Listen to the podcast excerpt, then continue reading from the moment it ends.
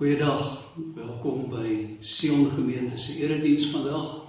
Baie dankie dat jy inskakel.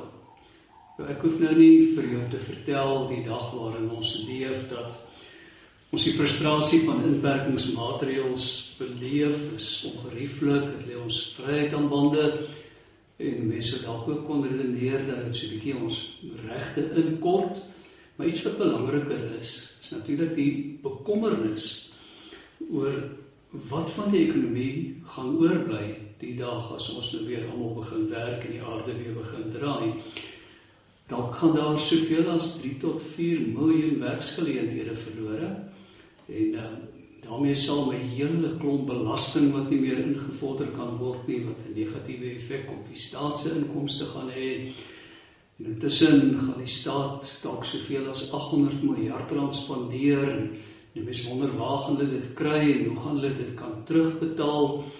Ag, daar's so baie dinge waaroor 'n mens bekommerd kan wees. Gaan kleiner besighede dit oorleef? Dit lyk of asof sommige groter besighede nie gaan oorleef nie. Dalk is jy een van daardie mense wie se besigheid bedryf word of wie se werk besig is om bedreig te word. Finansiële kommer oor waar die geld vandaan gaan kom om die huispaaiement en die motorpaaiement te betaal. Selfs waar gaan ons geld vandaan kry om kos te koop? Ek het al soms gesê net sodra dit lyk asof alles regloop, dan loop alles net maar weer verkeerd. Is dit nie so nie? Jy kan nie krisisse voorkom nie. Maar nou weet jy baie goed. Jy kan wel bepaal hoe jy reageer op daardie krisisse. En ek wil vanmôre of vandag voorstel dat dat ons so 'n bietjie gaan dink oor wat gaan ons met hierdie krisis doen? En dalk ook gaan kers opsteek by 'n profeet, 'n interessante profeet in die Ou Testament, Haggai. As jy Bybel byderhand het, wil jy dalk saam met my oopmaak by Haggai 1. Dis die eerste profeet wat ons van weet wat optree nadat die Jode uit ballingskap gekom het. Onthou hulle het hier in 586 voor Christus vir die laaste keer in ballingskap vertrek en um, eers hier by 530 weer teruggekom by die huis. En nou is hulle 18 jaar by die huis en dis dan dat die profeet Haggai met hulle praat. Nou Haggai se naam is so interessant. Beteken 'n feesteling, 'n feesteling, iemand wat tydens 'n fees gebore is. Een of ander tyd een van 'n fees moes daar gewees het toe hy gebore is en en sy ma het hom daardie naam gegee. En hy begin sy prediking op 'n feesdag, op nuwe maansdag.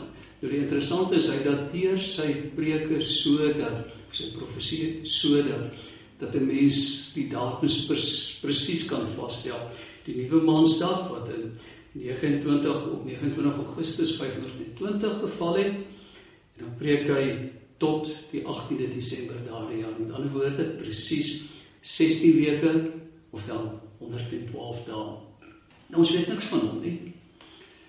Al wat ons van hom het is 'n graf. As jy nou ooit in Israel besoek het, dan onthou jy dalk as jy daar by Jerusalem uitry, dan bedui jy die gids vir jou daar en op die koppietjie is daar so wit graf wat gebou is uit steen en, en dis dan nou So het die plaaslike bevolking geglo die profeet Haggai se graf.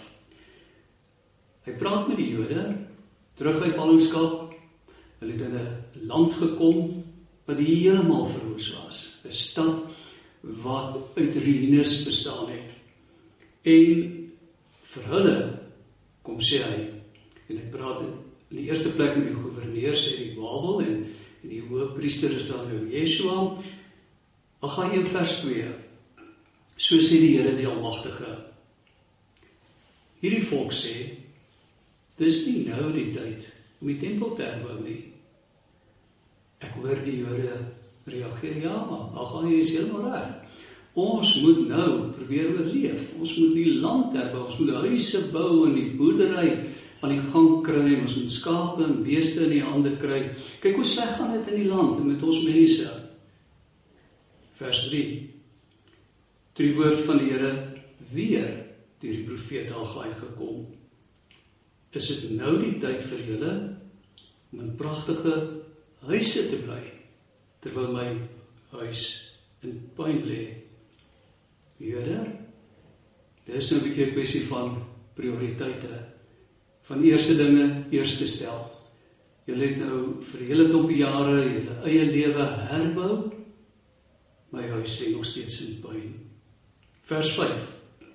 Daarom, so sê die Here die Almagtige, neem ter harte wat met julle gebeur. Julle het baie gesaai, maar min geoes.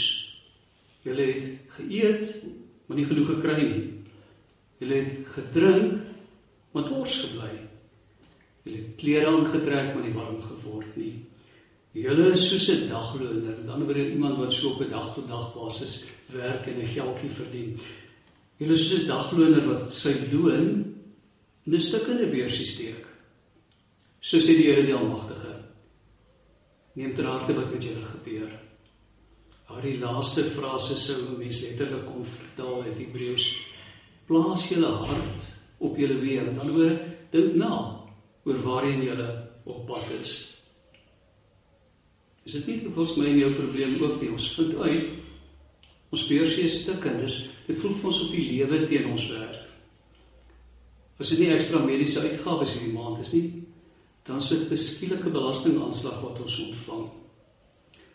Nou interessant, hier is die eerste verwysing na beursie in die Bybel. Voor dit het mense hulle geld in 'n doek toegedraai. En daar's ook 'n rede voor want geld was rond, maar dit was nie heeltemal rond nie. Hy het skerp hoeke gehad, is van silwer. En die hoeke het dikwels 'n beursie wat 'n mens in jou sak dra, kon stukken steek. Hoor nou die raad van die Here, vers 8. Gaan haal hout in die berg. Herbou my huis sodat ek my eer kan ontvang en tevrede kan wees, sê die Here.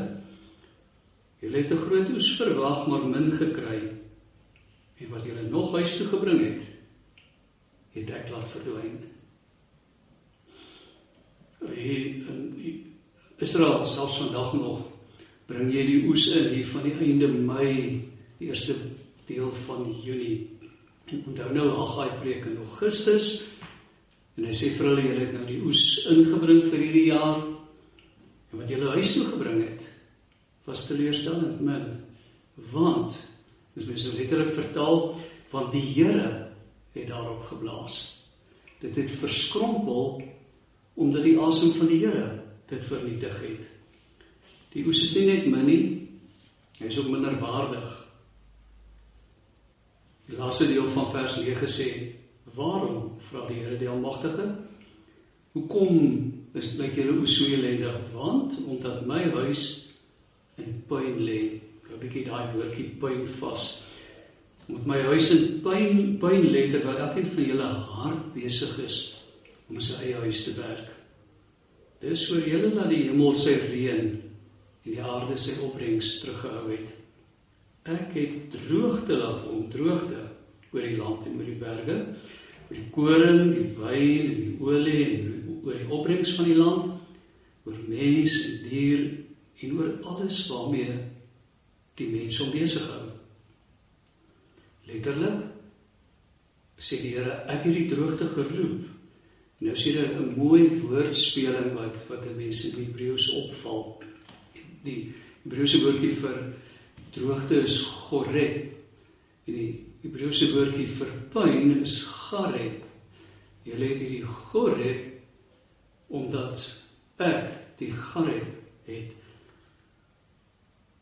As die seun van die Here nie rus op wat 'n mens doen nie, dan werk dit te vergeefs. Te vergeefs dat jy jouself probeer beskerm as die Here nie sy hand oor jou hou nie. Ek dink hierdie gedeelte vra vir ons wat sê my lewenstyl die keuses in my lewe oor my prioriteite. Wie is eerste in my lewe wat doen my begroting vir my waar kom die Here in mag hy ons nie seën na die mate wat ons hom erken nie as ek oor myself dink gesonde liggaam, 'n mooi gesig. Al wie gee die eer vir wat ek het? Is dit as gevolg van my eie harde werk vir wat ek is? Is dit sy genade of is dit my verdienste? Nou is ons hier in 'n krisis. Hierdie krisis bedreig baie van ons se lewe. Ten minste die lewe soos dit tot hier geloop het. Ek dink dit is tyd dat ons nie dink oor ons lewe. Dat ons Haggai as 'n voorbeeld gebruik dat ons begin by die vraag wat kom eerste? Wat kom eerste? Nou die interessante is Haggai is een van die mees effektiewe predikers in die Bybel. Sy die Babel en en Yeshua, die hoofpriester, neem met hulle harte, die Jode gryp sy woorde aan. Hulle herbou die huis van die Here. Haggai 2 vers 18. Dis die Here weer aan die woord. Nou let op wat vandag van vandag af verder sal gebeur van die 24ste dag van die 9de maand af. Die dag waarop die fondament van die tempel weer gelê is. Let op. Is daar nog saak in die skuur? Tot nou het julle wingerde, julle vye bome, julle granaatbome julle olyfbome nie gedra nie. Maar van nou af sal ek voorspoed gee.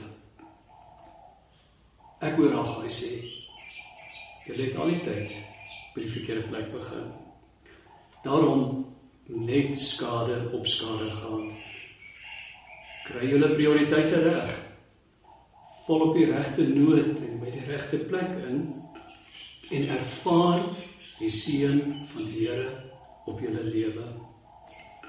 Kom ons begin by wat ek dink die prioriteit in ons lewe moet wees. Ons verhouding met die Here watter plek neem hy in jou lewe in? Hoeveel van jou lewe behoort aan hom? Hoeveel van sy teenwoordigheid ervaar jy in jou daaglikse lewe? Hoe belangrik is hy? Wanneer ek besluite neem, deelneem aan 'n gesprek, beplan, waar pas die Here in? Jy sien prioriteite. Dis 'n tyd wat ons ingeperk is in die huis, gesinne letterlik 24 ure 'n dag in mekaar se geselskap is. As jy mekaar nog nie uitgemoor het nie. Wat het jy geleer deur hierdie noue kontak met die mense in jou huis? Watter prioriteite is hulle vir jou? Ek het al met mense te doen gehad wat vir my sê, weet jy wat? Voordat my oë kon uitvee, was my kinders al in die huis. Dit was te laat wat ek nog vir hulle wou sê, wat ek nog in hulle wou belê. Ander gevalle waar iemand met hartseer en berou sê, weet wat ek het my lewensmaat na regte waardeer nie en nou die dood my lewensmaat weggevat. Hierdie krisis kan 'n enorme positiewe bydrae tot jou lewe lewer as dit vir jou vra wat maak jy met jou lewe? Wat het jy tot hier gemaak? Hoe lyk die pad vir jou vorentoe? Wat beplan jy? Wat dink jy vra die Here van jou? Van verlede Vrydag af mag ons nou 'n bietjie die huis uit gaan. Dit is vir my opvallend hoe hoe vriendelik mense op straat is. As ons gaan stap, fietsry dan groet mense mekaar skielik. Is asof mense agtergekom het, maar ek het ander mense nodig. My verhouding met hulle speel eintlik 'n belangrike rol in my lewe. Watter prioriteit het verhoudings met ander mense vir jou? Verhoudings waarin 'n mens belê. Natuurlik ook finansiële prioriteite. Wat gaan ek hierna nog kan bekostig? Ek dink vakansie is een van die dinge wat vir meeste van ons op die lange baan geskuif gaan word. Hoe groot is 'n goeie plek om om te kyk en vir jouself te vra Wat is die belangrikste in my lewe? As daar finansiële probleme vir ons gaan voorlê soos wat ek meen, dan gaan almal van ons opnuut moet kyk hoe spandeer ons ons geld. Wat is vir ons regtig belangrik? Waar sonder kan ons nie klaar kom nie. Vra dan ook jouself af. En wat is belangrik in my verhouding met die Here terwyl ek my geld spandeer? Wat is daar wat my verhouding met die Here dalk negatief beïnvloed? En hoe belangrik is die materiële vir my? in vergelyking met die geestelike my verhouding met die Here in vergelyking met my verhouding met ander mense. Kom ek demonstreer wat ek wil sê aan die hand van 'n verhaaltjie wat nog altyd vir my treffend was as ek daaraan terugdink. Dis hierdie gesinnetjie, pa en ma en drie kinders wat wat regtig armoedig skoon, netjies, maar armoedig voorgekom het. Dit is so die pa het toe ter jare by die spoorweë gewerk, het 'n bitter klein salaris gekry. Die ma was by die huis, het 'n klein, skoon, mooi, maar baie klein huisie daar in die weste kant van Kreersdorp gebly. En hulle het graag, as jy nou lankal in die kerk is en onthou jy ons het vroeër itemme, nommers gelewer, mense het gesing en en dan ons ander mense nou so geseën. Hierdie familietjie het, het by 'n paar geleenthede as gesin saam gesing. Hulle het regtig baie mooi saam gesing. En daar was 'n man en vrou, redelik welgestelde mense. En op 'n stadium met die vrou vir haar man gesê het ek het na hierdie mense gekyk en ek voel so afskuldig. Ons kinders is in die huis, ons het van hulle beste klere gehou, ons wil dit vir die kleinkinders gee, maar ons kinders het self goed gedoen vir hulle self finansiëel. En hulle wil verseker nie hulle ou klere vir hulle kinders gee nie. Kom ons maak 'n pakkie op en die klere wat vir hulle kinders sal pas, ons gaan gee vir hierdie mense. Ons het so 'n bietjie blikkies kos en ander kos by. En een aand later het die man daar verbygery en dit nou voor die agterdeur gesit. Die volgende week by die bidhuur. As jy nou lankal in die kerk is, dan weet jy ook ons het vroeër jare bidhuure gehou. En getuig by bidhuure staan hierdie meer armoedige man op en hy sê hy het soveel dankbaarheid teenoor die Here want hy het nou te doen met hierdie gesin, iemand wat saam met hom gewerk het en man het sy werk verloor en bly in 'n plokkerskamp en is baie arm. Hierdie swart gesin en die man sorg nog vir nie net vir sy kinders nie, maar ook vir sy sussie met haar drie kinders en met pa en ma en skoonma wat ook by hulle bly. Jy weet, die swart mense het dit volgens die uitgebreide gesinne waar hulle vir mekaar sorg. En hulle het nie inkomste nie Toe hy nou die oggend by sy agterdeur kom, maak hy oop en hier lê 'n pakkie, 'n pakkie met die mooiste klere en kos en en hy sê ek wens julle kon die vreugde sien toe ek hierdie pakkie vir daardie gesin neem. Prioriteite. Hou nie vir myself nie, want ander mense is vir my belangriker. Ek stel voor dat as die woord jou ongespreek het wat Haggai vir die Jode gaan sê het dat jy bietjie nadink oor wat die laaste 5 weke aan jou gedoen het. Wat dit vir jou gesê het en dat jy dan voor die Here kom en beplan hoe jou pad vorentoe gaan verander. Wat jy dink die Here van jou vra wat regtig belangrik is en waaraan jy beplan om eerste aandag te gee. Gaan by my huis. En dan as jy weer saai en oes, uh, en oes, as jy huis bou, sal my seën op jou rus. Benut hierdie krisis positief. So die frustrasie en die bekommernis oor finansies wat die krisis in ons lewe ingedra het, jou nie gaan onderkry nie. Kom ons bid saam. Hemelse Vader, baie dankie vir die woord. Dankie dat die Heilige Gees hierdie woorde lewend maak en en toepas in individue wat daarna luister se en die komstandighede omdat u getrou is en betrokke is by individue se lewe. U praat nie net met die mensdom in die algemeen nie, maar met die mens van wie u sê ek het jou op jou naam geroep. Jy's my lewe behoort aan my. Dat die woord vrug sal dra dat wanneer ons hier klaar is, ons anders sal wees op grond van wat U in ons lewe gesê en gedoen het. Bid ek in Jesus se naam. Amen. Thank you